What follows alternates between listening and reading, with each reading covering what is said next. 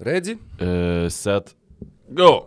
Po dviejų savaičių pertraukos su jumis dar sėki sveikinasi NBA tinklalaidė vardu NBAS. Būkite pasveikinti visi. Dar sėki prisijungia prie mūsų su jumis Rokas Grajauskas ir Mykolas Jankaitis.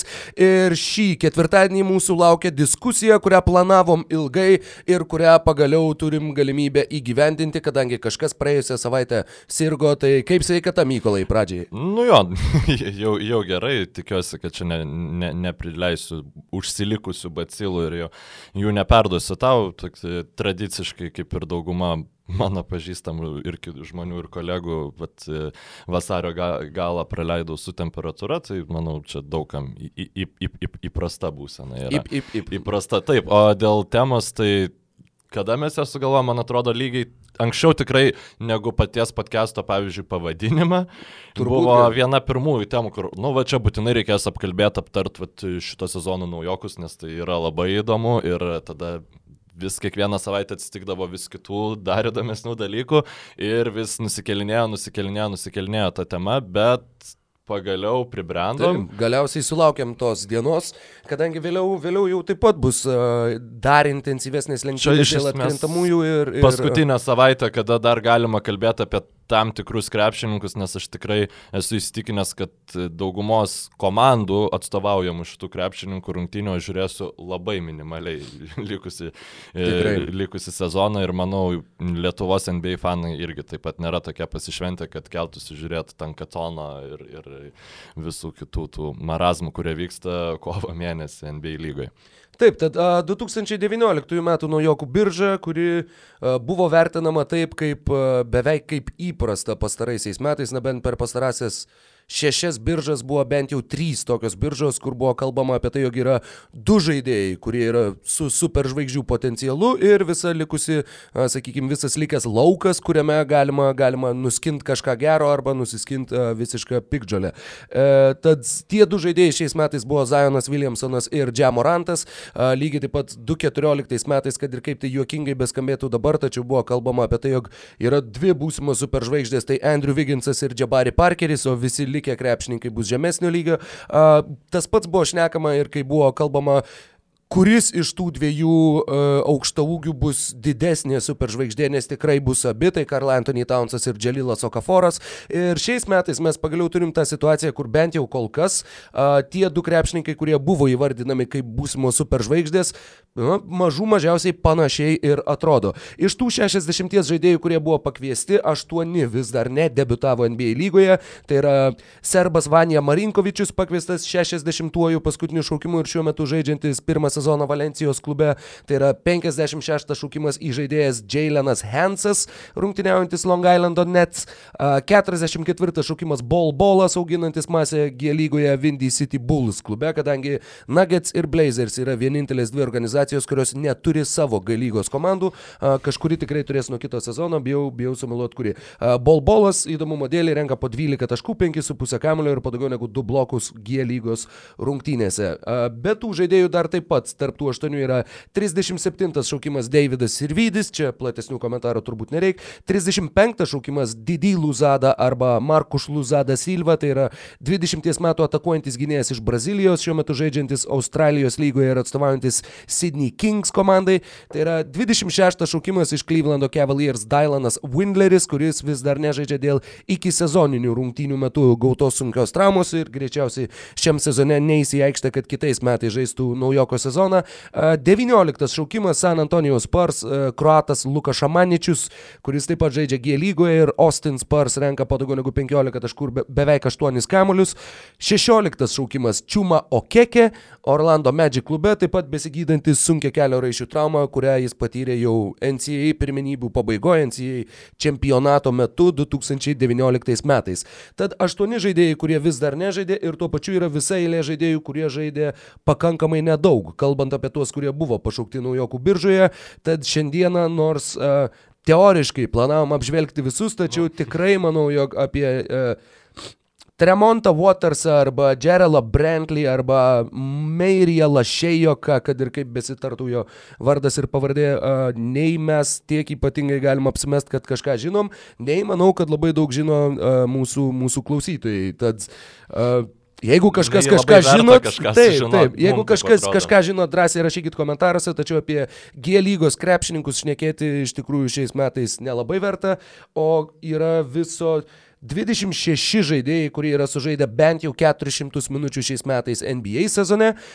Prie jų mes dar galime pridėti ir du šios ribos nesiekiančių žaidėjus, apie kuriuos turim šiek tiek informacijos. Tai yra Goga Bitadze iš Indianos Pacers ir Romeo Langfordas iš Bostono Celtics.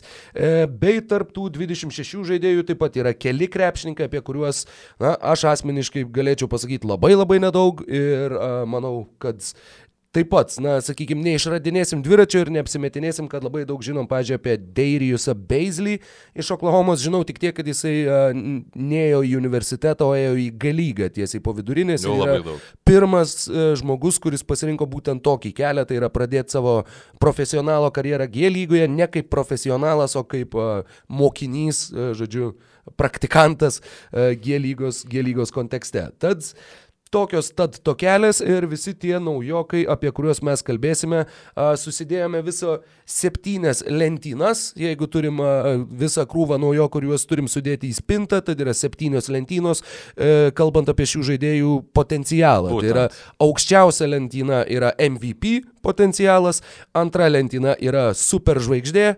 Na, ne visos superžvaigždės tampa MVP Jo, savo karjeroje. super tad- žvaigždė yra žaidėjas, kuris reguliariai e, bu- bus All NBA komandai. Bent Taip, jau man tai taip. buvo kertinis e, ligmuo. Geras, geras tikrai manau, jo kriterijus, pagal kurį galima apibriežti tą antrą lentyną. Trečioji lentyna yra a, visų žvaigždžių rungtynių krepšininkai arba potencialo turintys bent kartą pažaisti visų žvaigždžių rungtynėse. Aš, aš šitą lentyną dėjau krepšininkus, kurie manau, kad... E, Žais daugiau negu vieną kartą. Nu, pas palankiai susiklošius aplinkybėm. Vėl, e, aš lab, žiūrėjau labai optimistiškai, nes jeigu tiesiog vertinant pagal dabartinius pasirodymus, tai nu, labai sunku yra i- išvelgti tiek tą visų žvaigždžių potencialą. Jo. Nes po, po tų dviejų krepšininkų, na, labai smunka viskas šitą. Tad e, ketvirta lentyna tai yra starto penketo žaidėjai a, ir tai yra, tu girdėjau, jog dar išsiskyrėjai. Jo, aš tai žinot, kai būna jiskė arba ikėjai nusipirkti tokie skirsniai lentyną, nu, kai tu turi labai didelę lentyną, kad biškai patogiau surušiuot e, daiktus, tai lygiai taip pat ir krepšininkus. Aš surušiavau į tuos e, starto penketo krepšininkus, kurie užims svarbę rolę gerose komandose. Na, įsivaizduokit Danny Greeną, įsivaizduokit, ne, nežinau, Fredą Fanflytą ar panašiai. Tai jokių būdų krepšininkai, kurie turbūt niekada nežais visų žvaigždžių rungtynėse, tačiau e, turi daugiau pozityvios įtakos negu kai kurie visų žvaigždžių krepšininkai. Tai Taip. tam tikrais atvejais tai, tai yra netgi labiau prestižinė lentyna. Na, mano tokia nuomonė. Taip, tai žodžiu, tie, kurie žais gerose komandose ir tie, kurie tiesiog žais blogose komandose. Na, arba Taip- žais taip gerose komandose, bet jeigu būtų palankios aplinkybės, iš tos komandos perspektyvos jie galėtų jas pakeisti kažkuo geresniu ir nu, panašiai. Žodžiu, Mm. tai... Ir penkta lentyna, e, lentyna yra e, rotacijos žaidėjai. Turbūt tai būtų galima įvardinti šitą, šitą terminą, kurį aišku užsirašėm angliškai. Ir turim dar dvi lentynas, tiesa, mums abiems jos liko tuščios, kadangi optimistiškai žvelgiam į, į, į tas prognozes, į, ta prasme, kalbam apie potencialą, kurį galima atskleisti. Nebūtinai realiai, kaip uh, susiklostys to žaidėjo karjera, tačiau kiek jisai galėtų pasiekti mūsų akimis. Ir uh, tos dvi paskutinės lentynos, šešta lentyna vadinasi Suolo galas ir septinta lentyna vadinasi Kinija, uh, bet nieko nepriskyrėm, sakykime, taip negatyviai, kadangi taip anksti nurašinėti žaidėjus, jeigu juos matei, būtų per anksti, o jeigu nematei, tai tiesiog yra... Jo. Ta, tau atrodo, kad kadangi tu nematei, vadinasi, tas krepšininkas nieko nepasieks, bet e, tad, tas dvi lentynas palikom tuščias, bet tiesa palikom ir nemažai tų, tų naujokų knygučių, kurias, kurių dar nesudėjom niekur. Tad, tad tie, kas yra nepadėti niekur, gali atsidurti ir tose minėtose dviejose apatinėse lentynose.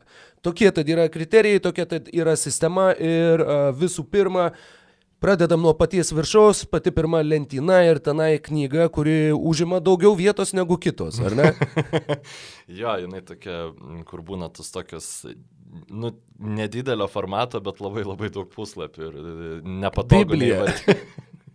Nepatogu nei Biblija, jo. vartyti, nei panašiai. Tai nu, manau, kad nieko čia mes e, naujo nepasakysim. Zionas Williamsonas e, kol kas e, taip rodo savo ir silpnasias vietas, tačiau tai, kaip jis, na, mano bičiulis labai smagiai pasakė, gal šiek tiek taip tiesmukai, bet sako, jis taip nemoka žaisti krepšinio ir jis toks geras jau dabar. Ta prasme, tas tobulėjimui ribų nėra absoliučiai. Zajonas e, renk, muša visus rekordus, kuriuos ten galima mušti. Yra pirmas paauglys, kuris e, renka virš 20 taškų keliolikoje rungtynių iš eilės.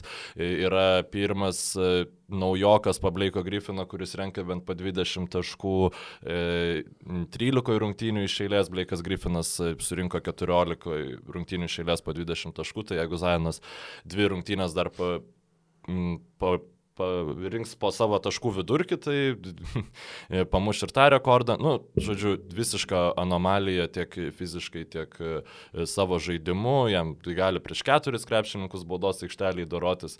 Tačiau išlindo ir jo silpnas vietos. Matom, kad prieš komandas, kurios turi didelį ilgį po krepšiu, tai Milwaukee Bucks ir e, pavyzdžiui šį vakarą, e, šią naktį pamatėm, kad ir Dallas Mavericks yra komanda, prieš kurią Zainui yra na, labai sunku žaisti po tą savo, savo priimtiną krepšinį, nes jis kol kas viską daro su kaire ranka, irgi naujokams labai būdingas dalykas, tiesiog ypač kaire rankiam naujokam, prisiminkim Domantą Sabonę, kuris pirmus du sezonus toks vaizdas, kad dešinė ranka gal net nebuvo į krepšį metas. Na, tai taip, tikėtina... Trečiam sezone beje irgi Celtics atkrintamosiose jį taip ir uždarė, kad vertė žais dešinę ranką ir to, to jis padaryti negalėjo. Taip, taip, ir na, Domantui pavyko prasilaužti, manau, Zajonas irgi gal, turi pilnas galimybės. Na, aišku, gynyboje kol kas yra visiška skilė ir žiūrėsim, kaip šitas tobulės, tačiau, nu, nepasaptis, kad tu gali MVP gauti titulą ir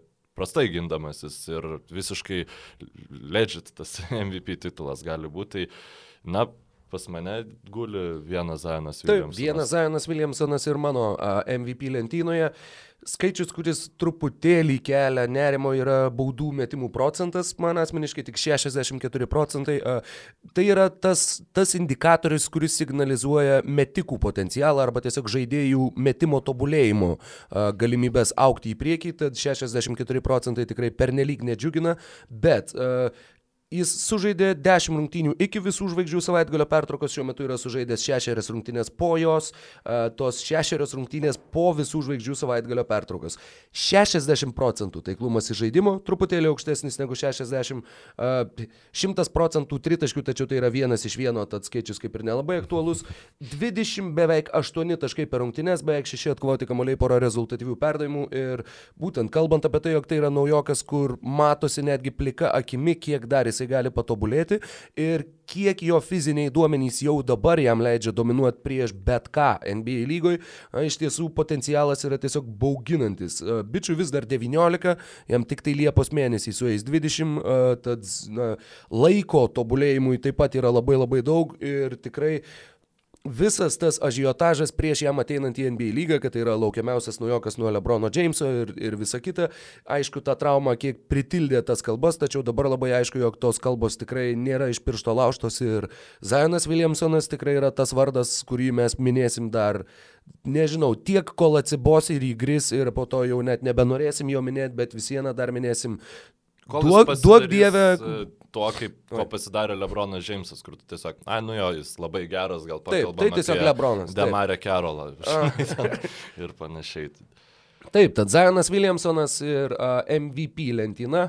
Ir vienintelis žaidėjas atsidūręs toje lentynoje ir antroje lentynoje, kaip suprantu, irgi abu turim tik tai po vieną žaidėją, super žvaigždės potencialą turintis Memphis Grizzly žaidėjas Džamorantas. Taip, norėčiau pabrėžti, kad jeigu tas Zajono iškelimas į MVP lentyną, na, kalbant grinai apie potencialą, tai nu, aš negarantuoju, kad jisai taps lygos MVP, aš manau, kad jis gali jo būti, bet kad Žemorantas bus reguliariai vis uh, All NBA komandose, pirmoje, antroje, uh, nu, atme, atmetus traumos galimybę ir panašiai, tai aš beveik garantuoju, aš esu įsitikinęs, kad Žemorantas bus vienas geriausių lygos gynėjų. Tai, kaip jisai žaidžia, nematau absoliučiai jokių priežasčių, kodėl to neturėtų būti, kaip jisai naglai lenda į akis lygos veteranam, pat, tas pats visas jo kivirčas su Andrei Gudala prieš šiam paliekant e, Memphis Grizzlies, na tiesiog parodo tiek ir jo charakterį, o apie jo žaidimą mes šitoje tinklalaidėje kalbėjom tikrai nemažai, mums abiems Rokui jis yra vienas mėgstamiausių e, stebėti krepšininkų lygoje šį sezoną ir tiek jo gynyba yra geresnė negu aš galvojau, kad bus Taip. sezono pradžioje įstebėdamas, tiek ir pataikymas ypač lemiamų metų bei aikštės matymas ir ir visas tas beprotiškas atletiškumas, na, ne, ne Zajono Williamsono lygio atletiškumas, bet Tačiau tokia visiškai pozicija. Taip, taip, taip.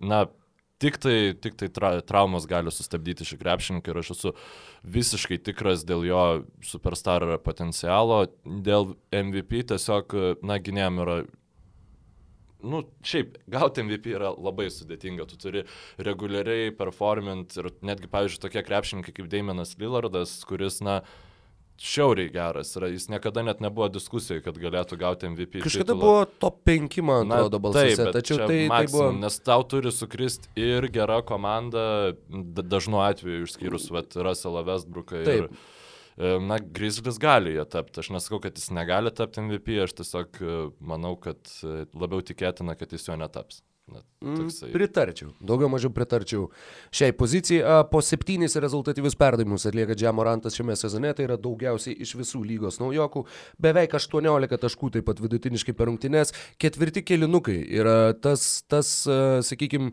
Jeigu norit pamatyti būtent Džiamoranto žaidimo įspūdingiausią lygmenį, galima nežiūrėti pirmų trijų kilinukų, įsijungti ketvirtam kilinukė Memphis Grizzlius ir žiūrėti, kaip jis turėjęs penkis taškus užbaigė rungtynę su 21 ir svarbiausiais momentais traukia komandą. Ir netgi tas komandos traukimas nėra tas herojiškas krepšinis, kur aš tiesiog žaidžiu vienas, bet yra tiesiog agresyvus ir pamatuotas, protingas žaidimas. Ir būtent tai taip pat yra vienas iš tų dalykų, kurie stebina ir džiugina, stebint, stebint Džemoranto žaidimą. Tad a, tikrai labai geras krepšininkas, kažkaip uh, tiek su vienu, tiek su kitu, galbūt dėl tų visų Viginsų ir Parkerių uh, taip truputėlį skeptiškai žiūrėjau. Prieš sezoną mhm. galvojau, kad aha, aha, taip, taip, matėme jau tokių, kur ateina dvi superžvaigždės ir kaip jau teko minėti, tai yra tikrai pirmas kartas, kai nenuvylė nei vienas, nei kitas. Ir labai tikiuosi, kad tai bus ir toliau, kadangi jauni žaidėjai uh, mažų miestelių NBA mastų komandose, uh, kurie be, be abejo stiprina tas komandas, kurie dar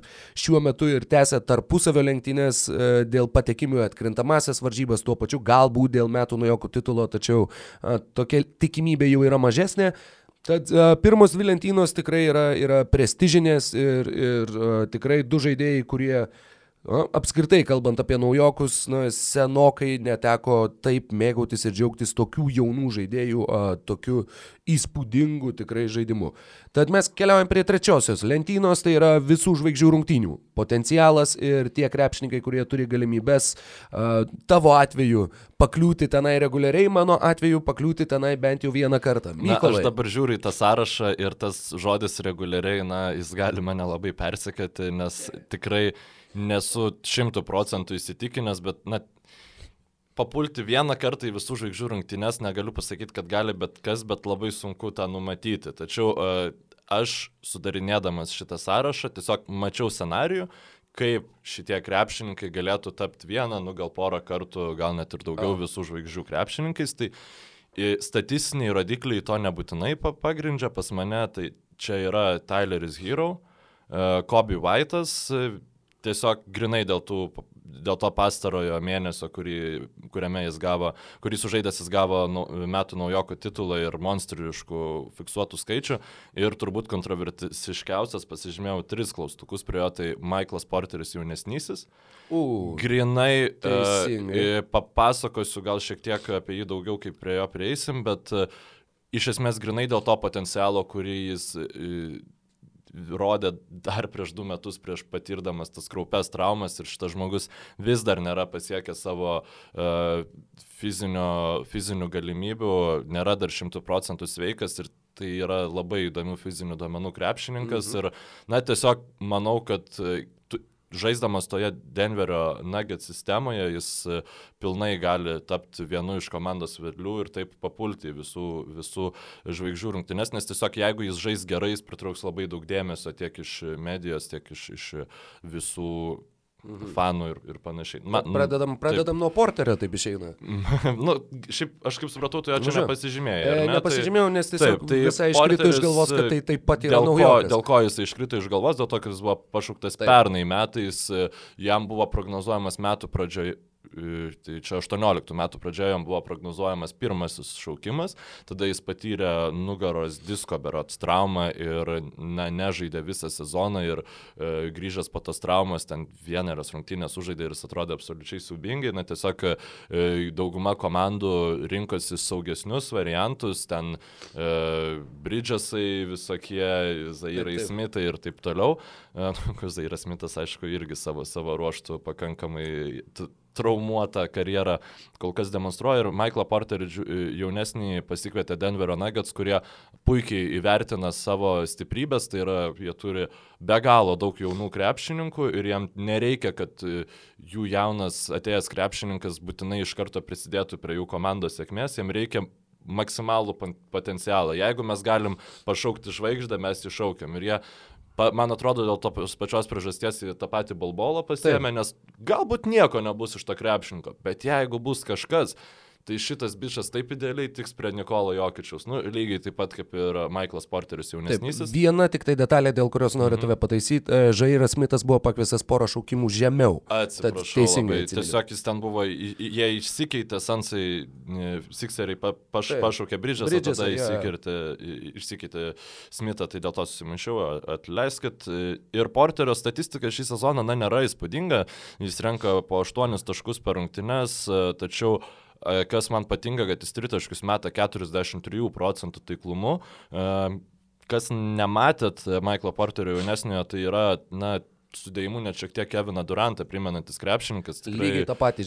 Tik, tikrai yra aukštas ir jeigu jis išlaikys tą gerą pataikymą, jam e, davus didesnės apkrovas polime, jis tai tikrai gali jo statistika kitais metais išaukti labai ženkliai. Jeigu jisai žaistų Cavaliers, Hawks ar panašiai, jo statistika vėl būtų visiškai kitokia. Vėl nes, pavogiai minti nuo nu, žuvio, nu. Tai galbūt aš tada jau ir baigiu. ne, tai tiesiog. tas porterių, nu, tad e, elementarūs tokie faktai, jisai tą effective field goal percentage demonstruoja labai aukštą 58 procentai, tai už jį didesnį turi iš tų e, mano aukštai išsirašytų krepšininkų tik Zionas Williamsonas ir dabar uh, einu per kitus naujokus, tai va dar Terensas Deivisas turi panašų žodžių, bet e, Terenso Deiviso rolė, manau, visiškai kitokia yra ir, na tai iš esmės ir viskas. Tai re, jis labai efektyviai, labai kokybiškai išnaudoja tas minutės, kurias jisai gauna. E, pradžioje Malonas jo iš vis neleido, paskui jis pats pasakė, tiesiog aš negaliu jo neleisti, nes jis žaidžia labai gerai.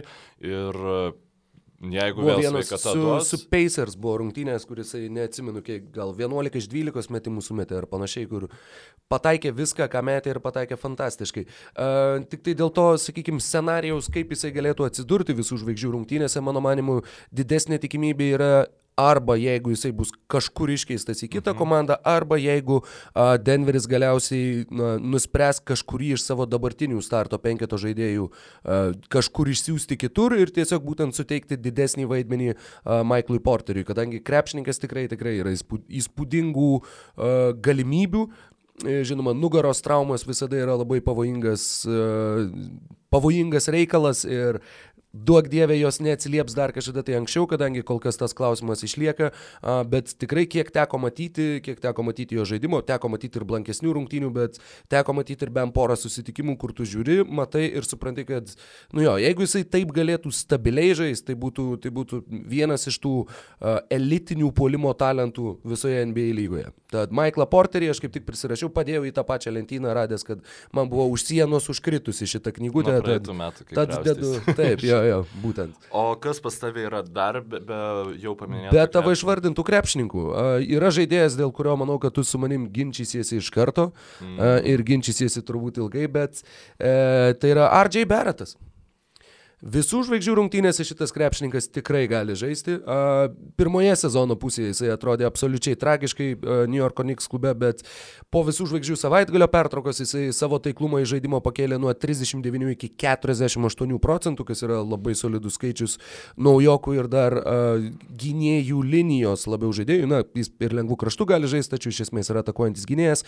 Rezultatyvumą pakėlė nuo 12 iki 17 taškų. Buvo rungtynės, kurias teko žiūrėti kaip tik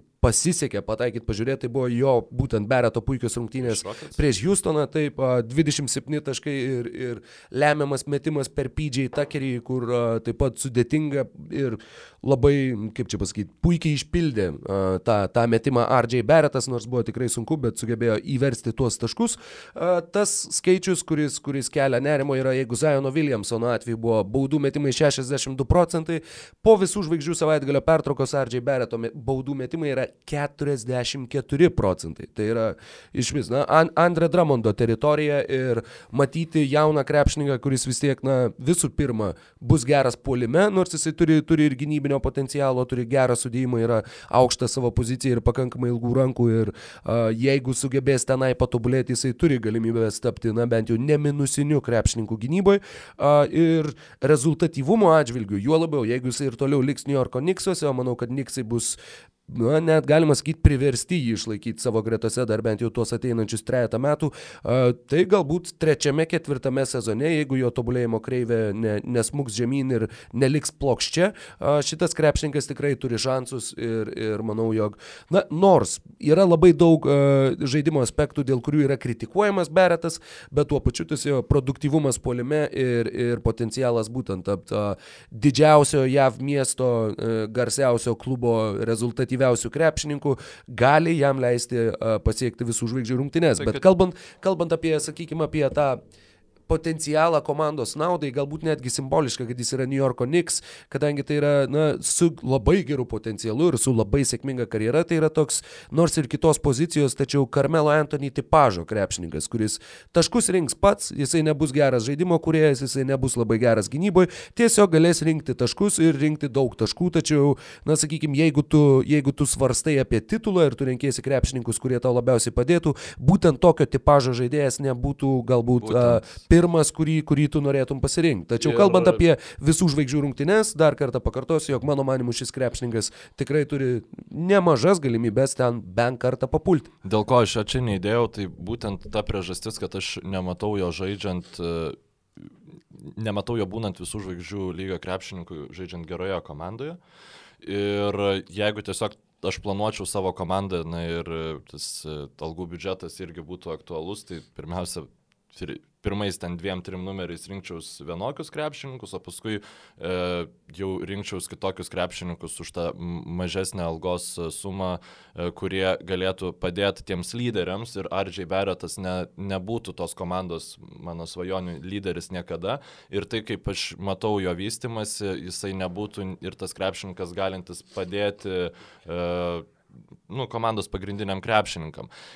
Vieną kitą visų žvaigždžių pasirodymą jo karjeroje galbūt ir matau, tačiau man labiau tikėtina, kad jis vis dėlto bus prastos, prastos komandos e, starteris, Taip, renkantis taškus. Bloga komanda, gera statistika. Tai bloga komanda, gera statistika. Tiesiog nerima kelia tai, kad žmogus pats ką neseniai pasakė, kad jis yra šiaip dešinė rankis, man kaip ir geriau mes su dešinė ranka, bet aš labai pratau dabar su kairė mes, tai mėtau su kairė. Nu, kai jau mes žinom, kad e, kai yra Simonso klausimų istorija, dėl, ja. dėl met, su kuria ranka tau patogiau mesti, kai tu žaidži aukščiausiam lygiai, na, e, Velnas žino, kaip čia gali būti. Tiesiog aš ne, manau, kad tiek White'as, tiek Porteris, tiek Tyleris Hero turi kur kas didesnį potencialą tapti geresniais krepšininkais, mm. naudingesniais krepšininkais ir dėl to aš šitą neįdėjau. Ir važiuojam tuomet prie Kobe White'o.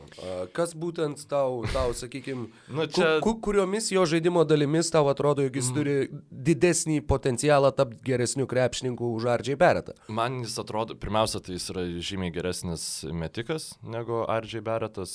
Na, tiek metimo technika, tiek baudų, baudų metimais, tiek metimais iš trijų taškų zonos. Ten. Dabar šį sezoną meta 36 procentų taiklomų iš, iš tritaško teritorijos, bet tos paskutinės šešios rungtynės jo po visų žvaigždžių rungtynių na, tiesiog buvo pribloškinti tiek statistika, tiek pats žaidimas. 26 taškai vidutiniškai renkami, 4 atkovoti kamuoliai, 3 rezultatyvūs perdavimai. Ir turint omeny, kad jis žaidė Boileno sistemoje, kur na, treneris tikrai netrodo draugiškas ir palankus treneris jaunam, perspektyviam, tačiau padykusiam naujokui. Ir šiaip turi, aš atsižvelgiu į tai, kad vis dėlto įžaidėjai yra ta grupė, kuri pirmą sezoną atrodo, na, prasčiausiai. Prisiminkim Deroną Foxą, prisiminkim, ką čia dar. Henriką Daktarą. Sorry, Henriką Daktarą. Asociacijos. Okay, Prisiminkim Deroną Foxą.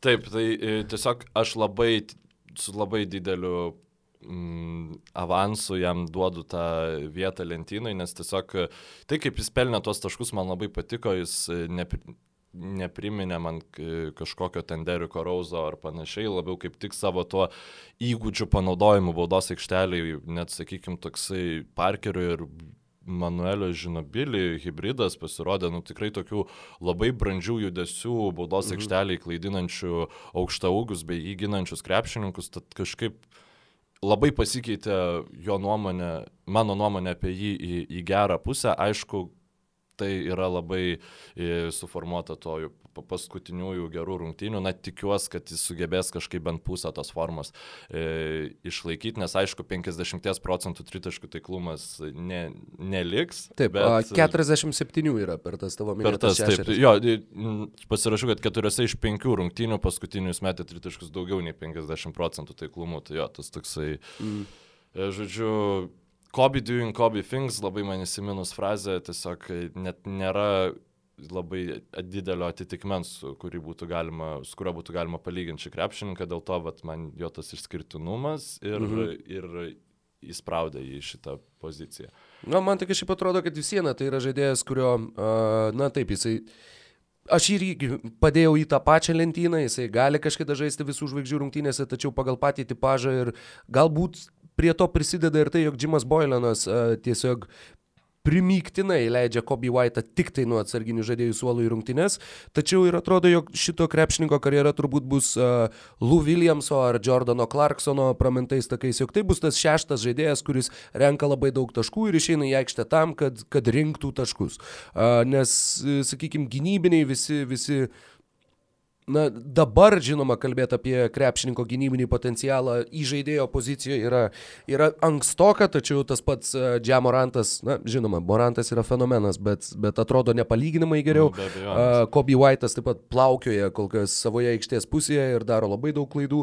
Uh, bet, sakau, šiuo atveju tai yra, mano manimu, uh, Sakau, mano manimo, R.J. Barrettas savo karjeroje daugiau kartų žais visų žvaigždžių rungtynėse negu Kobe White'as, bet Kobe White'as turi taip pat potencialo uh, tenai patekti. Tad iš šitos pusės kaip ir nesiginčyčiau, tačiau dar kartą manau, kad tai yra tas, tas uh, samdomas žudikas nuo mhm. atsarginių žaidėjų suolo uh, ir, ir tas samdinys, manau, kad savo vaidmenį gali išpildyti puikiai NBA lygoje, tačiau taip pat uh, kažkokios lubos ties, ties tuo yra. Tyleris Hero minėjai, kad Taip, yra tavo e, sąraše. Tyleris Hero mano sąraše yra dėl tos priežasties, kad aš manau, jis beprotiškai idealiai tinka Miami Heat komandai. Mm, tai yra geriausias metikas e, šioje naujokų biržoje, mm, remiantis nebūtinai statistiką, bet šiaip tiesiog jis išmeta po 5,5 tritašką per rungtynes, e, juos meta 40 procentų taiklumu ir Tuoj pasižiūrėsiu. Taip, jis yra ir daugiausia įmetantis e, krepšininkas iš trijų taškų zonas iš visų šitų naujokų. Tai jo tas atletiškumas, e, gera orientacija gynyboje tiesiog gali lemti tai, kad hitai, pavyzdžiui, jeigu jie po kokių ten 3-4 metų e, būtų reguliariai gera komanda, viena geriausių komandų lygoje, jis gali būti tas krepšininkas kviečiamas to kaip ir, nu, automatiškai. Kažką iš hytų reikia pakviesti, jis nebus tas pirmas numeris iš hytų kviečiamas, į, į, ne, nu, neturėtų būti geriausias komandos žaidėjas, bet tas labai tvirtas antras numeris gali būti ir manau, kad tai, tai lems sėkmingą jo karjerą. Ir nu, man jis labai patinka. Tai, tai tiek, gal, čia, yra, čia yra, sakykime, taip pat tas klausimas. Pirmas tavo sakinys buvo, kad žaidėjas labai tinka Miami Heat. Uh, tai ar tai nėra ta situacija, kur, sakykime, uh, nes Miami Heat būtent šiais metais tą daro, tą, uh, ką, pavyzdžiui, nežinau, pastarosius porą metų daro Indianos Pacers, tai yra, kad labai išryškini žaidėjų stipresias savybės ir puikiai užmaskuoja silpnesnės jų žaidimo vietas. Tad uh, ar tai kaip tik, na, sakykime, nėra, nėra, nesukelia abejonės, jog tu įdėk šitą krepšininką kažkur kitur ir jisai atrodys keturgubai blogiau. Ir atrodys kaip vidutiniokas, kuris meta, na, iš vis, nežinau, gal būtų toks Nikas Tauskas numeris 2, žinai. Nu, ne, aš tikrai manau, kad jis turi šymiai daugiau potencialo negu Nikas Tauskas ir jis tiesiog yra myliam geresnis krepšininkas negu jis. Ir taip, na, aš negaliu...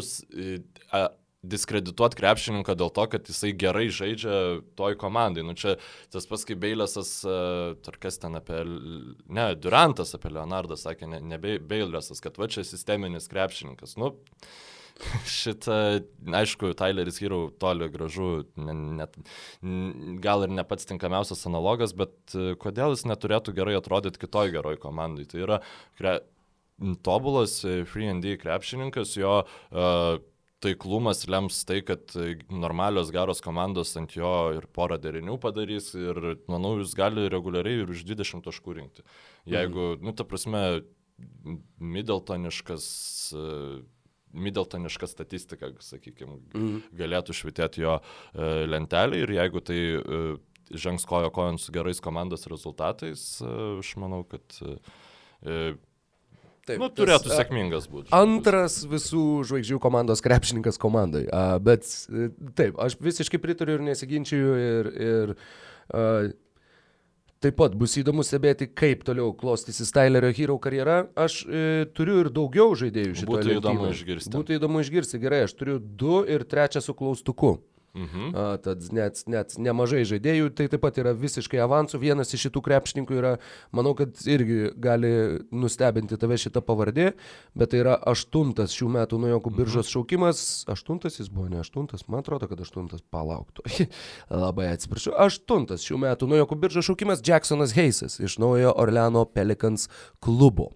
A, kodėl? Man atrodo, kad Jacksonas Heisas turi tokį didelį potencialą. Tai yra visų pirma dėl, dėl atletiškų meistriškumo, kurį turi šitas krepšininkas, kadangi tai yra a, tiesiog nesuvokiamai. Karts nuo karto beveik kiekvienose rungtynėse, kai jisai žaidžia, a, jis padaro kažką tokio, dėl ko tavo žandikaulis atvimpa. A, tai yra ir šuolis, ir tuo pačiu ir ūgis, ir rankų ilgis, ir visas tas, visi duomenys reikalingi na, geriausiai besiginančio krepšininko uh, potencialui, sakykim taip. Ir nors šiuo metu jisai žaidžia labai nedaug, Jacksonas Eisas uh, po visų žvaigždžių savaitgalio tos pertraukos žaidė tik trejose rungtynėse, o ir juose žaidė vos po šešias minutės, kadangi uh, Derekas Favorsas žaidžia komandoje ir Alvinas Gentry mėgsta tiek Zajoną, tiek dar vieną naujoką Nikolomelį, truputį iškretantį iš konteksto dėl savo amžiaus, leist kaip žemo penketuko vidurio polėjus, tad Heiso žaidybinis laikas yra gerokai sumažėjęs, tuo pačiu tai yra vis dar labai kampuotas krepšininkas, turintis na, minimaliai įgūdžių, tačiau tai taip pat tai yra, sakykime, Klinto Kapelos ar Deandre Jordano tipožo ar Rudy Gobero potencialiai tipožo žaidėjas.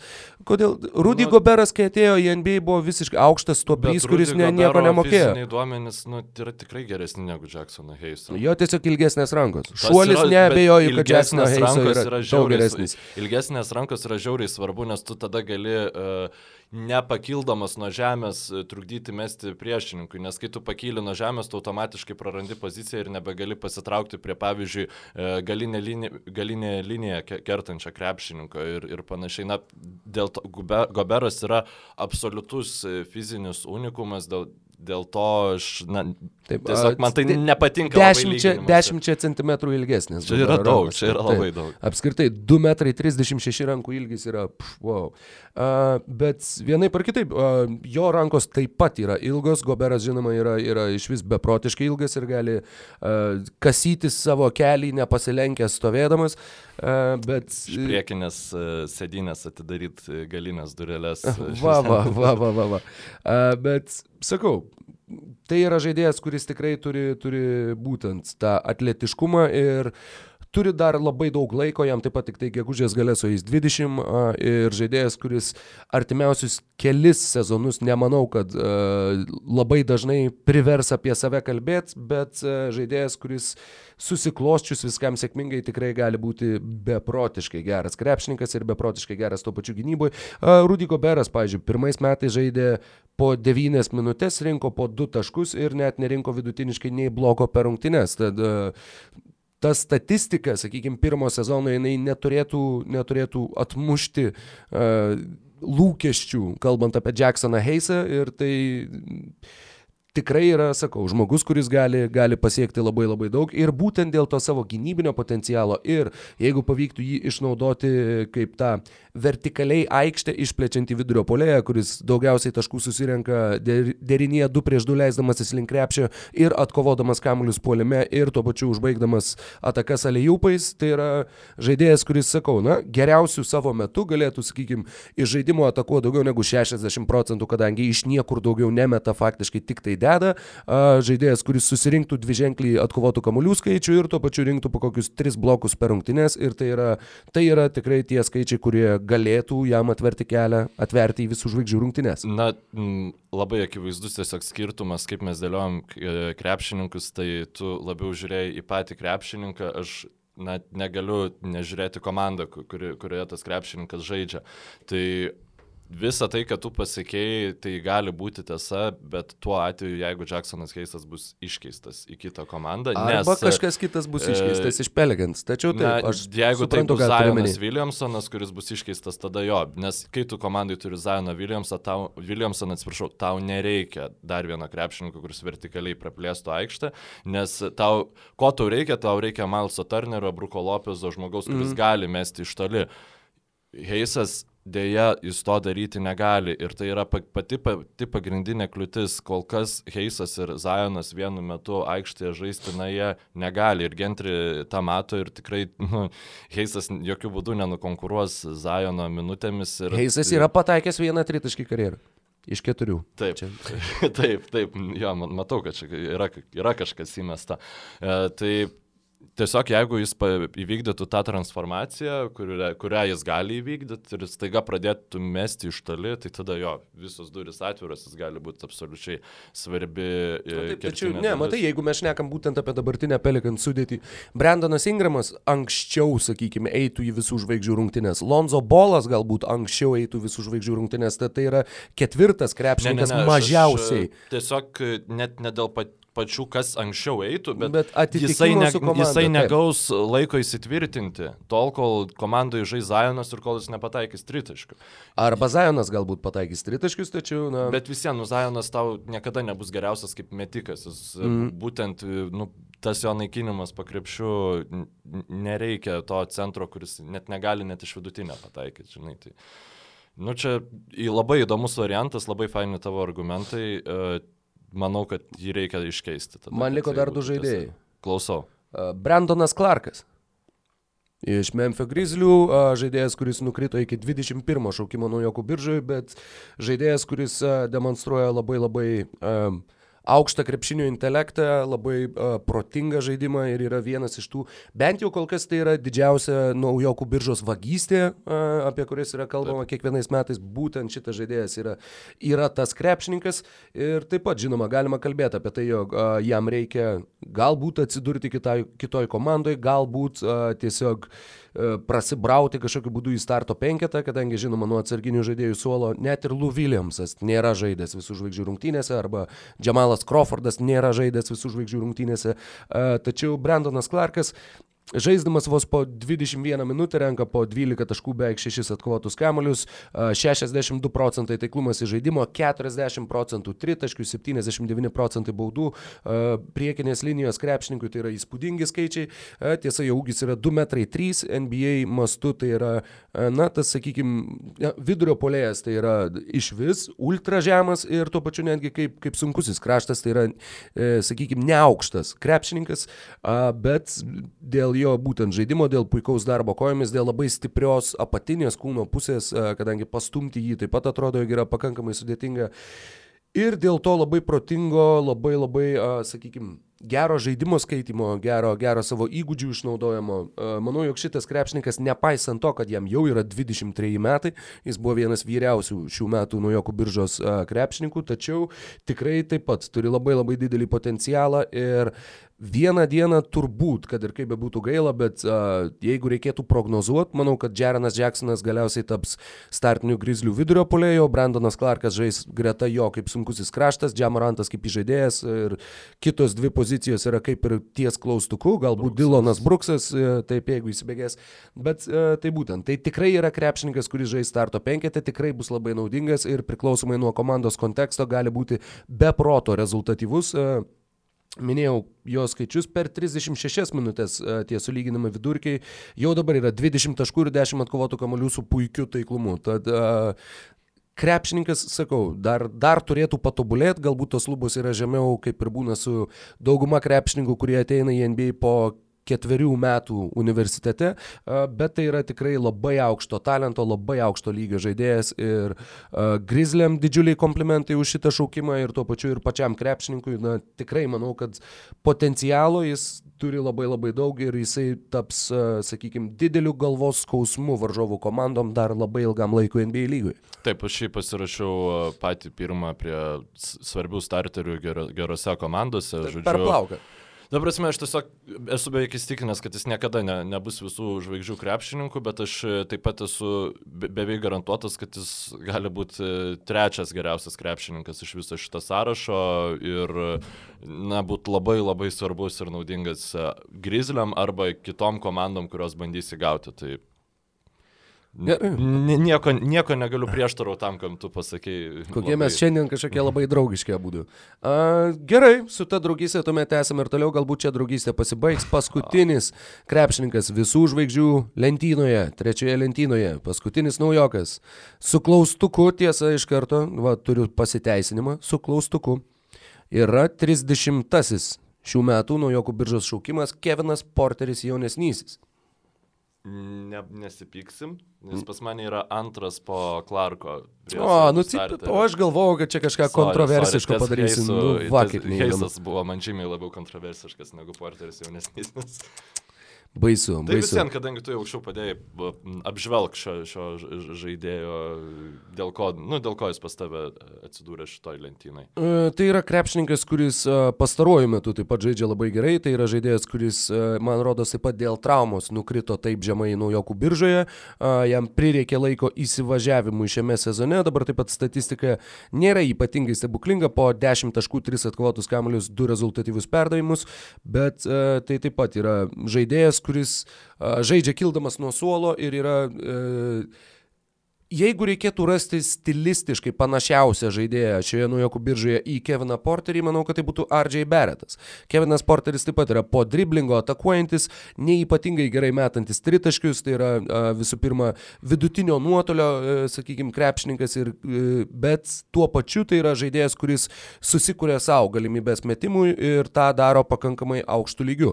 Basketball reference jį pateikė kaip lengvai krašto polėje, tačiau Clevelando Cavaliers, pažiūrėjus, ir galių forumuose dauguma e, pritarė tai nuomonė, jog komandos startinis e, gynėjų duetas ateityje bus Dariusas Garlandas ir Kevinas Porteris, o Colinas Sextonas bus tas žaidėjas, kuris e, bus Kobe White'as arba Jordanas Clarksonas, kalbant apie tą būtent vaidmenį komandoje ir, ir rotacijoje. Kevinas Porteris, na būtent, jis turi tą, tą kažkokį šaltakraujiškumą aplink save, tą tokį truputėlį mamba mentality, vos vos bent jau jaučiasi jau dabar, netgi tada, kai žaidėjų nekrenta metimai, jisai net nesumirksi ir tiesiog atakuoja toliau. Žinoma, gali būti, jog jis, nežinau, galiausiai taps Dionu Veitarsu arba J.R. Smithu, tačiau tuo pačiu tikrai gali būti, jog ir taip pat jaunas, vis dar vos 19 metų krepšininkas, tobulės toliau ir, ir parodys ir atskleis tą potencialą ir tikrai taps svarbiu ir, e, na, sakykime, jau visai neužilgo, jeigu ne kitame, tai dar kitame sezone, spėčiau, kad jisai bus rezultatyviausias Cavaliers krepšininkas ir uh, bus apskritai vienas iš rezultatyvesnių NBA lygoje. Aš šitaip, e, na, mano nuomonė aukštai padėjau dėl to, kad aš kaip tik manau, kad jis ganėtinai gali būti efektyvus krepšininkas žaidime be kamulio. Tiesiog stebint tai, kaip jisai žaidžia, mm. man atrodo, na, kad taip, aš matau, kaip jis gali išsivystyti į tą žaidėją, kuris net ir iš užtvaros kokios iš, išlenda, pagauna kamuolį ten uh, Handofą kokį sumeta ir panašiai. Um, tiesiog jo tas vat, baudų metimo pataikymas na, nėra stebuklingas, bet 73 procentai yra žymiai geriau negu Bereto ten 20. Nu, gerai. 44. ja, nu, bet, ir tiesiog e, visas tas varneles man jisai kaip e, kokybiškas atakuojantis gynėjas, krašt, nu, šiaip atakuojantis gynėjas, nes kla, jeigu jis būtų komandos pagrindinis krašto polėjas, aš nemanau, kad jisai galėtų ginti tuos mhm. geriausius mm. priešininkus. Jo, prieš, prieš Kawai ir Lebroną. Nu, ir, ir, ir netgi Teitumą Brauną. O, tai panašiai. Metras 93, tik taip, tai taip, yra Kevino tai Porterio ūgis. Tikrai kažkaip man jis yra labiau atakuojantis gynėjas, aš tiesiog gal jį su Sextonu, ne su Garlandu dėčiau į vieną gynėjų gynėjų liniją, bet čia jau, na, ateitis parodys yra labai sudėtingas spėt. Taip, Taip. Ir viskas. Dabar galim viskas. važiuoti. Galim važiuoti prie... ketvirtą lentyną ir uh, Mykolai, ką tik tai aš išpezėjau daug apie savo aš kitaip gal... parinktų žaidėjus, bet pakalbėjome ir apie tuos dar kartą, kurie jau aptarti žaidėjai. Uh, palauk, tai yra Brandonas Clarkas ir Kevinas Porteris. Jo, iš, iš mano lentynos Taip. ir ta būtent uh, skirsnis lentynos, kur aš įdėjau krepšininkus, kurie gali žaisti laiminčiose komandose ir m, būti Aha. irgi iš dalies nepakeičiami. Tai taip pat juose atsirado Matysas Taibulas, mhm. uh, Kendrikas Nanas. Uh, įrašiau Deandre Hunterį, bet iš tikrųjų esu ypatingai neužtikrintas dėl to ir perkė, perkeliu jį dabar pat į, į kitą lentyną ir su Mario Avanso įrašiau Sekų Dumbują, nes e, tiesiog nuo jo ir iškart pradėsiu, statistika, statistikos neminėsiu, nes jinai nėra baisiai įdomi. E, šitas krepšininkas turi labai labai gerus fizinius duomenis ir yra vienas jauniausių visame šitame sąraše, todėl manau, kad krepšininkas su jo fiziniais duomenim gali būti na, be galo naudingas kaip tiek gynybos ramstis ir, ir panašiai. E, tritaškus kol kas jis meta 30 procentų taiklumu, jeigu pavyktų pagerinti štai šį rodiklį ir tiesiog tapti stabiliu metiku iš aikštės kampo, manau, kad jis gali rasti savo vietą kokiai geresniai komandai. Bet jeigu e, ne, tai gali būti naujasis Geršonas Jabuselė. Būtent, jeigu jo tobulėjimas ne, nebus toks optimistiškas, kaip aš galvoju, jis gali net netapti, netempt ant prastos komandos starterio lygio, o būti tiesiog toksai e, guršonas, garšonas jebuselė ir panašiai. Labai geras palyginimas. E, Kendrikas Nanas e, tiesiog jis jau dabar yra tas krepšininkas, tai aš nemanau, kad jis baisiai daug tobulės, nes jam irgi yra 24 metai, bet tai yra po Zajono ir po Žemoranto rezultatyviausias e, krepšininkas iš e, tų e, visų naujokų, renkantis iš beveik 16 taškų per rungtynes. Iš esmės gerai daro viską. Labai gerai. Viską, nedaro. kas iš jo paprašyta. Jo, ta, vėl sisteminis, turbūt sisteminis krepšininkas, visiškai naujas, nu, ta prasme, ne, netikėtas uh, jo sužydėjimas šį sezoną. Ir Matysas Taibulas uh, šitoje vietoje taip pat atsirado dėl to, kad jis gali būti velnioniškai patrakęs gynybos specialistas ir į košmarus varyti tą patį Žamorantą, Kobi Vaitą, beveik bet ką. Taip. Ir beveik bet ką. Ir, nu, tokių krepšininkų. Tony Alano tipažo galbūt. Tik tai geriau taškus pataiko 35 mm. procentų taiklumu, bet baudas jeigu ką 60, tai va čia tas fenomenas. Taip, ir tuo pačiu, kad uh, jam ateinant iš koledžo buvo kalbama apie tai, kad metimas yra pati silpniausia jo dalis ir jo labai silpna mm -hmm. uh, būtent jo žaidimo uh, grandis. Uh, Bet e, jisai bent jau kol kas su tais 35 procentais tritaškių tai yra viršyti lūkesčiai viršyti šiame lū... sezone. Ir... Viskas yra viršyti lūkesčiai. O taip, taibulas, taibulas tikrai visiškai taip. Tai yra, minėjai dar Denny Greeną, kalbant apie starto penketo nu, žaidėjus nu, geroje komandoje, tai vat, kažkas labai panašaus taip, taip, galėtų, taip. galėtų tikrai būti. Visiškai pritariu. Ir nežinau, gal tu tada pas mane dar prie tų starteriai arba svarbus roleplayeriai, nu, Aha, dar Sunku- liko kažkas. Jo, liko Kemas Redišas, Deandre Hunteris, Erikas Paskalis, Rui Hačimūra, PJ Washingtonas ir Terence'as Davisas. Tai... Beveik identiškai iš tikrųjų išdėlioti žaidėjai. Uh, apie abu du Hawks naujokus labai greitai, jeigu, Jo, jeigu tu- tu- tumėm. Uh, Deandre Hunteris uh, po visų žvaigždžių savaitgalio pertraukos 14,5 taško 7,5 atkovoto kamulio, 44 procentai žaidimo, 41 tritaškių, 93 baudų metimai. Uh, tai yra NCAA čempionas pernai su Virginijos universitetu. Vasarį tritaškius metė 46 netgi procentų taiklumu ir Hawks rungtynių metu dengia geriausius varžovų krepšininkus. Na, žinoma, jam patirties tam trūksta labai. Žaidėjas buvo pakviestas taip pat kaip gynybos specialistas. Apskritai abu du šie krepšininkai, tiek Hunteris, tiek Redišas. Iš Redišo galbūt buvo tikimasi, kad tai labiau puolimo žaidėjas, tačiau jisai stebina gynyboje. Po labai labai po tragiško sezono starto um, tikrai atskleidinėja būtent save uh, ypač, ypač savoje aikštės pusėje. Tad uh, Hawks, kurie tikėjosi prie Trejango uh, rasti gerai besiginančių krepšininkų, visų pirma dėl to rinkosi Hunterį. Uh, su Hunteriu Potencialo yra, tačiau bent jau kol kas tas potencialas nėra labai ryškiai atskleidžiamas. Kemas Redišas uh, taip pat turi fizinius duomenis, nors apie tai buvo nekalbama jo uh, studijų koledžio metu. Jisai žaidė kartu su Williamsonu ir Ardžiai Beretu, buvo tas trečias dviračio ratas, kuris labiau maišėsi po kojom negu kad nešė naudą, naudą komandai. Po visų žvaigždžių savaitgalio pertraukos, kalbant apie Redišą, beveik 16 taškų per rungtynės, 3,5 kamulio, truputį daugiau negu vienas rezultatyvus perdavimas, metimų taiklumas 47, 33, 85. Uh, buvo kadras jų rungtynėse su Miami Heat, kai pratesimo metu jisai perėmė kamuolį iš Dragičiaus ir uh, įdėjo greitam polime ir išplėšė pergalę Atlantai. Uh, tad būtent žmogus, kuris turi, turi gynybos potencialo ir uh, abu du jie turi to gynybinio potencialo. Hunteris šiai dienai yra daug geresnis metikas ir jeigu šie du žaidėjai atsiskleis Atlantoje, tuomet galbūt Atlantai nebereikės Kevino Huerterio. Uh, yra tokia tikimybė, kadangi jeigu šie du krepšininkai užims uh, Redišas atakuojančio Hunteris lengvojo krašto pozicijas, šalia Trejango du labai gerai besiginantys ties perimetrų krepšininkai būtų tiesiog svajonės išsipildymas Atlantos Hawks. Ir uh, aukščiau kažkaip matyti jų potencialo, kad tai bus visų žvaigždžių rungtynių krepšininkai, galva šiuo metu neneša. Uh, tuo labiau, jeigu Atlantos Hawks žaistų na, labai aukštų lygių ir turėtų du visų žvaigždžių, sakykime, dvi vietas tose rungtynėse, tai būtų Youngas ir Jonas Collinsas Kol beveik taip garantuotai. atrodo, Taip, a, tad a, na, šiai dienai, sakykime, matyti aukštesnį potencialą yra sunku, tačiau tapti starto penketo gerais pakankamai krepšininkais, mano manimo, būdu šie krepšininkai gali. Minėjai Rūjį Hačimūrą.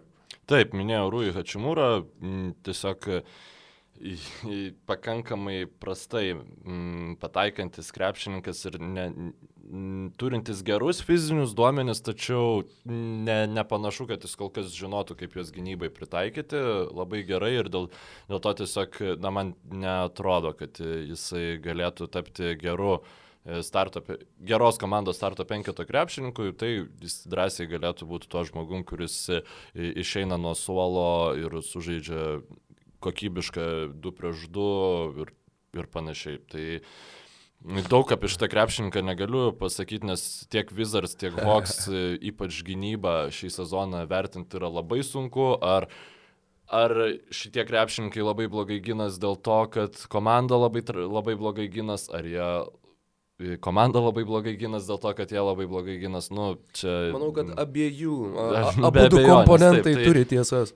Tiesiog, nežinau, nebent tu dar turi kažką papildyti. Ne. Toksai, Ne, Rui ir praleido daug rungtynių dėl traumos. Taip, kiek, kiek teko žiūrėti 37 Wizardų. rungtynes. Taip, tik porą kartų galbūt mačiau Hačimūro aikštėje, tad, tad taip pat pasakyti kažko labai daug negaliu. A, tai yra žaidėjas, kuris pirmauja Japonijoje tarp perkamiausių NBA marškinėlių. Normalu. Na taip, tiesiog fantastika. A, PJ Washingtonas, Charlotte's Hornets. PJ Washingtonas šiaip, mano nuomonė, vienas mane labiausiai nustebinusių šių metų šaukimų, nes aš tiesiog galvojau, kad nu vėl Hornas padra... pašaukė tiesiog kažką. Ir jisai taip visai maloniai nustebino, jo suklestėjimas lėmė tai, kad e, vis dėlto Hornets išpirko tiesiog Marviną Williamsą vien tam, kad PJ Wa- Washingtonas galėtų žaisti, na, daug, daugiau to laiko. E, Jis e, Ir Michaelą Kit Gilkrisą dar pridėčiau prie to Taip, paties, taip, taip, bet, nu, ten dar atskira istorija.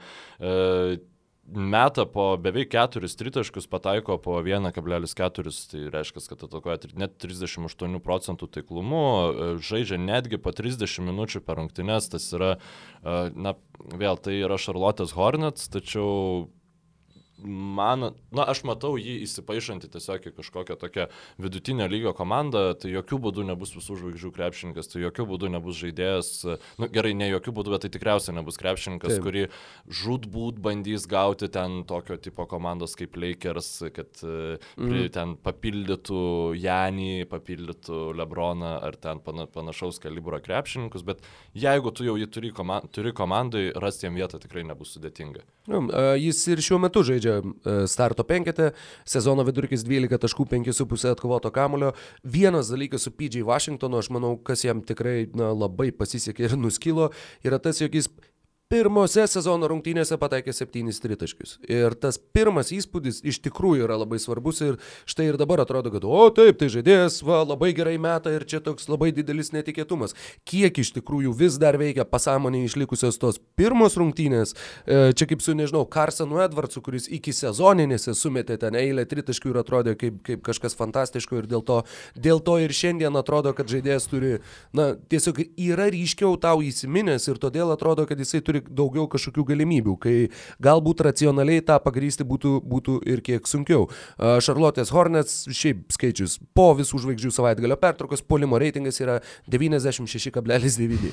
Tai yra istoriškai tragiškas polimas. PG mhm. Washingtonas žaidžia starto 5. Kaltinti naujoką sunku į kraštą dėl to yra. Na, nu, tai yra ten ir, ir daugiau. Niek, aš nesakau, kad tai būtent dėl jo, bet žaidžiant su juo, tai irgi yra... Labai blogos komandos dalis. tą reikėtų. Bet Šarlotė džiaugiasi labai, kad jie štai nors ir žaidžia naujokai ir jauni krepšininkai, jie vis tiek lieka dešimti rytuose. Kai perskaičiu šitą sakinį, norėjau ašarą nubraukti. Uh, važiuojam toliau. Jo, Starto penketo žaidėjai dar ar liko nu, tau? Nu, pas mane kažkas? liko Terence'as Davisas ir Erikas Paskalis. Tai Erikas Paskalis tiesiog žiauriai gerą sezoną startą turėjo su Golden State Warriors. Aš labai laukiu ateinančią sezoną, kai matysim piln, pilną pajėgumą Golden State Warriors ir priekiniai linijai du drutus vyrus. Drulius. Du druliai. Grina ir Paskalį. Tiesiog labai įdomu, kaip Paskalio visas tas e, rolė funkciona, funkcionuos geresniai komandai. Ir Terence'as Davisas, e, na, vėl dar vienas nepašauktas e, krepšininkas, kuris e, iš esmės gerai daro, nieko nedaro blogai, 40 procentų pataikymas iš toli metant po 3,5 tritašką per rungtynes, tai yra tikrai labai solidus e, rodiklis ir kaip e, visiškas velnas e, persekioja krepšininkus gynybai, puikiai atitikdamas tą visą Laurį ir Fanflyto nusėtą naratyvą, kaip turėtų atrodyti Raptors gynėjas. Tad manau, kad jis gaus Raptors nemažai minučių. Ir, ir nemanau, kad jį pakeis ten ar kažkaip. Ne apie patį krepšinką, bet tiesiog noriu nukelt kepurę, lite, tai yra sakau literaliai, metaforiškai, uh, Toronto Raptors. Fredas Van Vlytas buvo nepašauktas nuo jokių biržoj, uh, Terence'as Davisas yra nepašauktas nuo jokių biržoj ir jie ištraukia tuos krepšininkus, atrodo tiesiog, tiesiog kaip triušiai iš skrybelės. Uh, Turiu aš čia pasižymėjęs dar porą krepšininkų, nežinau, ar labai noriu apie juos daug plėstis. Gal užsiminkti. Dariusas Garlandas, kuris e, kol kas žaidžia sunkiai, tačiau, na, turi, kalbama, jog turi labai daug potencialo, labai ten šokiravo Cavaliers atstovus e, per šitą visą peržiūrą, kai dalyvavo pas juos. Krepšininkas, kuris kol kas atrodo tiesiog per žemas ir galbūt netgi ir per lėtas NBA lygai ir kiek per lėtai mąstantis, tačiau tai yra krepšininkas, kuris pernai sužaidė tik tai penkerias rungtynės e, Vanderbilto universitete dėl sunkios traumos ir šiais metais vis dar įsibėgėja. Tad aš kažkaip linkęs patikėti, kad jisai gali būti, na, plus neskirščiau į gerų ir prastų komandų mhm. starto penketo žaidėjus, tad jeigu e, turi paskolinti tokį pat tą skirisniuką, tai va čia va ir įkišiau, kad Garlandas liktų kitoj pusėje ir žaidėjas, kuris kol kas yra tokia pakankama mistika man, tai yra Jaretas Calveris, šeštas šaukimas Minnesotos Timberwolves, žaidėjas, apie kurį buvo kalbama, jog tai yra, na, super universalus krepšininkas, kuris ir puolime, ir gynyboje, ir gali ir pataikyti, gali ir pats įžeidinėti kamuolį, ir aikštę mato, ir du prieš du gali žaisti, ir viską daryti. Šiuo metu jisai viską gali daryti, tačiau viską daro labai vidutiniškai, na, taip, labai vidutiniškai. Kai bet... kurių dalykų ir vidutiniškai nedaro. Taip, ir, ir tai yra, sakau, krepšininkas, kuriam taip pat su avansu uh, siunčiu šitą, šitą uh, jį dedu į šitą lentynėlę, kadangi, na, vis tiek norisi tikėti, kad, kad galbūt neprašovė Minnesota, kadangi galima atsiminti, jog jie ir e, atidavė 11 šaukimą ir Darijo Šaričių į Phoenix'o Suns tam, kad gautų tą šeštą šaukimą ir pasikviestų būtent Jaretą Calverį. Um, jo, dėl Kalverio aš per daug e, pridurti negaliu, man tiesiog absoliučiai nėra įdomu žiūrėti, kaip jisai žaidžia ir net pritarsiu tau, kad e, gali galbūt iš jo kažkas būti, bet gali iš jo būti ir Evanas Turneris, kuris tiesiog kiekvienai komandai, kur nueitų iš jo tikėtųsi kažko ir jis realiai trukdytų tai komandai, tai e, netikiuosi, kad taip nebus. Pas mane rotacijoje tai yra Kalveris, yra rotacijoje ir Dariusas Garlandas, aš tiesiog Aha. manau, kad tai idealiu atveju būtų krepšininkai, kurie didžiausią savo indėlį padarytų kildami nuo suolo. Aš prie jų įrašiau ir Jacksoną Heisą, tai čia yra didžiausias mūsų išsiskirimas mm. visų šitų naujokų reikiavime. Tiesiog uh, Na, tavo argumentacija gal šiek tiek ir pakeitė mano nuomonę apie patį krepšininką. Man tiesiog uh, nepaliko jis tokio įspūdžio, kiek žiūrėjau aš Pelikanų rungtynės, bet aš daugiau tų rungtynių žiūrėjau jau po Zajono sugrįžimo negu iki tol. Tad bet jeigu jisai būčiau... net nelabai ir žaidė. Taip, taip, taip. Tai ir šiaip jo ta visa pavyzdą, kad jis ten labai nepatiko, kad jis nepakvestas į uh, tą Rising Star Challenge. Ir... Sakė, NBA can suck man. Jo, ir... Uh, boy. Nu, come on senė. Tu... Ne, bet tai gerai, ai, man tu visai patinka. Jo, man je, jeigu psichai, man patinka. Įrodys, tai bus. Turi būti vienas psichas komandai. Bet irgi gali būti Dionas Veitersas. Nu. Gali būti ir Dionas Veitersas. Taip, ir nežinai. taip pat dar prirašiau Nikylą Alexander Walkerį, krepšininkas, kurio, kuris mano lūkesčius labiausiai nuvylė. Aš tik tikėjausi, kad jisai bus neprastesnis nei ten Kobe White'as, Dariusas Garlandas ar panašiai, bet jis gal ir nėra prastesnis, ne, jis ir yra prastesnis ir negu Garlandas ir tiesiog niekaip jam neatsiranda vietos taip. perpildytoj Pelikanų gynėjų. Taip, uh, Pelikans, Pelikans kovoja dėl atkrintamųjų. Jo, ir, ir tai yra tas, kad tu atsidūrė į situaciją, kur lyg tai jauna komanda, bet tuo pačiu ta komanda jau turi labai didelės ambicijas. Tad ir šitas jam tikrai neišėjo į naudą. Prie tavo išvardintų krepšininkų aš dar turiu uh, rotacijos lentynoje Cameroną Johnsoną, Romeo Langfordą ir Goga Bitadzę. Apie kažkurį vieną iš jų galiu dar kažką. Gal aš apie Bitadzę Bitadzę papasakok. Apie Bitadzę. Bitadzę. E, Bitadzė juda kaip su šitais, kaip ten sako, švininiais batais.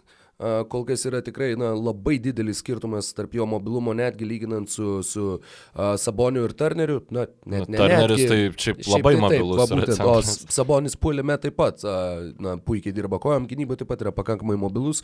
Uh, tad Bitadzė, kai išeina, na, matosi, kiek yra lėtesnis šiai dienai už abu šituos krepšininkus. Uh, jis nugarą į krepšį beveik nežaidžia, atakuoja tik tai žiūrėdamas veidų į krepšį, yra metęs keletą tritaškių, esu matęs netgi ir kaip pataiko, ir kaip ten kraustosi iš proto Pacers komentatoriai, kad goga, goga. Ir Bet turbūt silpniausias dalykas jo žaidime tai yra gynyba, kadangi gynyboje jisai visiškai, na, nesigaudo, kada reikia ateiti į pagalbą, kada reikia likti prie savo žaidėjo, kada reikia kilti į viršų, kada reikia likti baudos aikšteliai. Atrodo, jog visada priima, net ne tai, kad priima neteisingus sprendimus, o kartais, kartais tiesiog nepriima sprendimo ir lieka taip kybot vietoj, kai aplinkui jį vyksta veiksmas. Ir taip, te, teko žiūrėti, jo, atsijungia joystickas ir tiesiog uh, pakimba.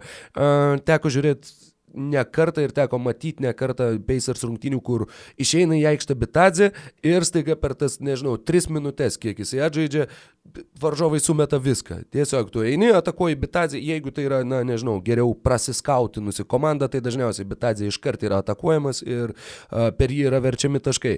Potencialo, na, tikiuosi, kad, tikiuosi, kad jisai bus krepšininkas, kuris liks NBA lygoje, sakykim taip, uh, kuriam nereikės grįžti į Europą po, po kelių sezonų ir jog ten ten jisai sugebės įsitvirtinti ir pratest uh, Zaza Pačiulijos, uh, sakykime, jam perduotą deglą ar nežinau, gruzinišką, tai šašlyką kažkokį ir, ir toliau test kartvelų tradiciją NBA lygoje. Uh, jo, dėl Bitadzės aš iš tikrųjų pamiršau, nu, jo, jo nėra tam mano sąraše kaip ir Camerono Johnsono. Uh, Nieko prieš šitus krepšininkus neturiu, tiesiog dėl Betadzės jokinga prisiminus, kaip prieš sezoną Pacers fanai galvoja, o velnės mes čia, net ne fanai, tie visi analitikai, kurie apžvelginėja Pacers mm. komandą ir sakė, kad velnės čia mes Betadzę pašaukėm, tai jau tikriausiai jau, jau Sabonis arba Turneris jau tikrai bus iškeistas, nes čia to, toks potencialas, jis čia taip greitai juda kaip tokio ūgio ir, ir panašiai. Ne. Ne. labai smagu, kaip kartais tie lūkesčiai ir tos išsigalvotos problemos, na, tiesiog išsisprendžia labai paprastai. Aš prirašiau, sorry, e, gerai, pabaig.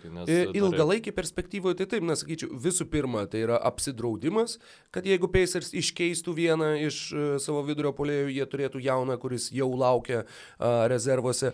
Ir tuo pačiu tai yra, na, jiems tiesiog reikėjo trečio vidurio polėjo. Jie turėjo Kailo Okuiną pernai, pernai jo. Jo, jo ir Kailo Kvino neliko, nu tai ką, tai turi naujoką, kuriam mokė nedidelius pinigus ir, turi, ir kontroliuoji jį bent jau keturis sezonus. Tai uh, sprendimas logiškas, man Plus, irgi tada atrodė, jog, u, u, ir čia koks kylanti Eurolygo žvaigždė. Čia buvo. tarp sezonio tas uh, lyga, kur tu iš bet ko gali, tu bet ką gali įsikalbėti, kur bet pernai, kur patikėt, pernai ja. Wizards fanai ten buvo, čia Howardas, čia jisai dabar ateis, mūsų čia, dieve, jis toks geras krepšininkas ne, yra. Ne, ir, ir, ir, na, Ja, Eurolygos kylanti žvaigždė 2.19, taip, Goga Bitadze. Tai, tai vad, e, Gogos neįrašiau, ką įrašiau, ko tu neįrašai, tai Luguensa Dorta, e, žmogų, tai kuris jau, kaip ir minėjau, kažkurios tinklalaidės metu pagaliau išėjus Russellui Westbrookui atsirado e, bent vienas iš tų pašauktų Thunder naujokų, kur atletiškas ir nieko daugiau negali daryti. Šitas panašu, kad kažką daryti gali. Tritaškių vis dar nelabai pataiko, bet, na, gal dėl Krisopolo genialumo, gal dėl paties talento iš savęs, jisai žaidžia tikrai neblogai ir iš 26 žaistų rungtynių 18 pradėjo starto penkit ir tapo tuo uh, pradedančių rungtynės krepšininkų, kuris paskui jau rungtynėms besibaigiant dažniausiai atsisėda ant suolo, tai vadinamu Keitų Bogansu iš Čikagos bus laikų. Ir taip pat prie tam pačiam lygmenį prirašiau Grantą Williams ir Romeo Langfordą, tiesiog krepšininkai žaidžia geroj komandai, vienas 15, kitas 10 minučių.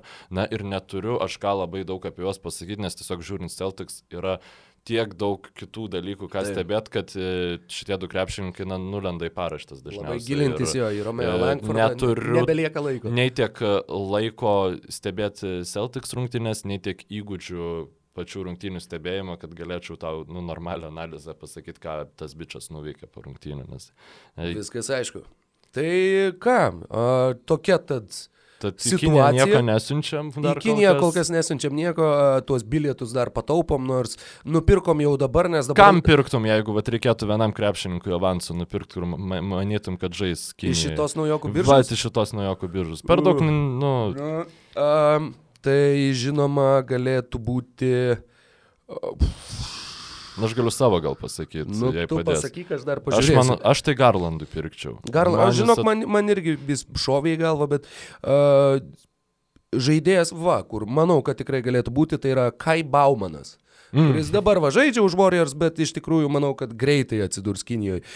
Krepšininkas, kurio nepaminėjom ir kuris turėjo labai gerų rungtynių ir šiaip yra toks viena iš gerų istorijų, yra Jordanas McLaughlin. Taip. Minnesotos Timberwolves, kur važiuojant į priekį, Mykolas sakė, kad jie du galėtų su Aleksu Karuso sudaryti jauniausią ir seniausiai atrodančią gynėjų grandį NBA istorijai.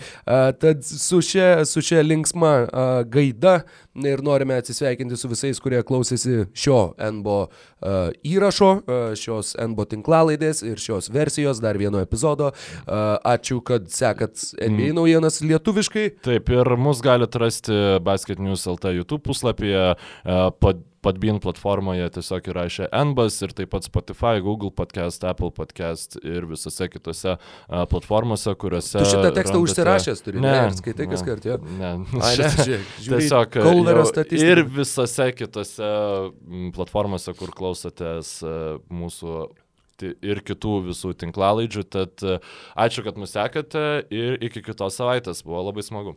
Laimingai.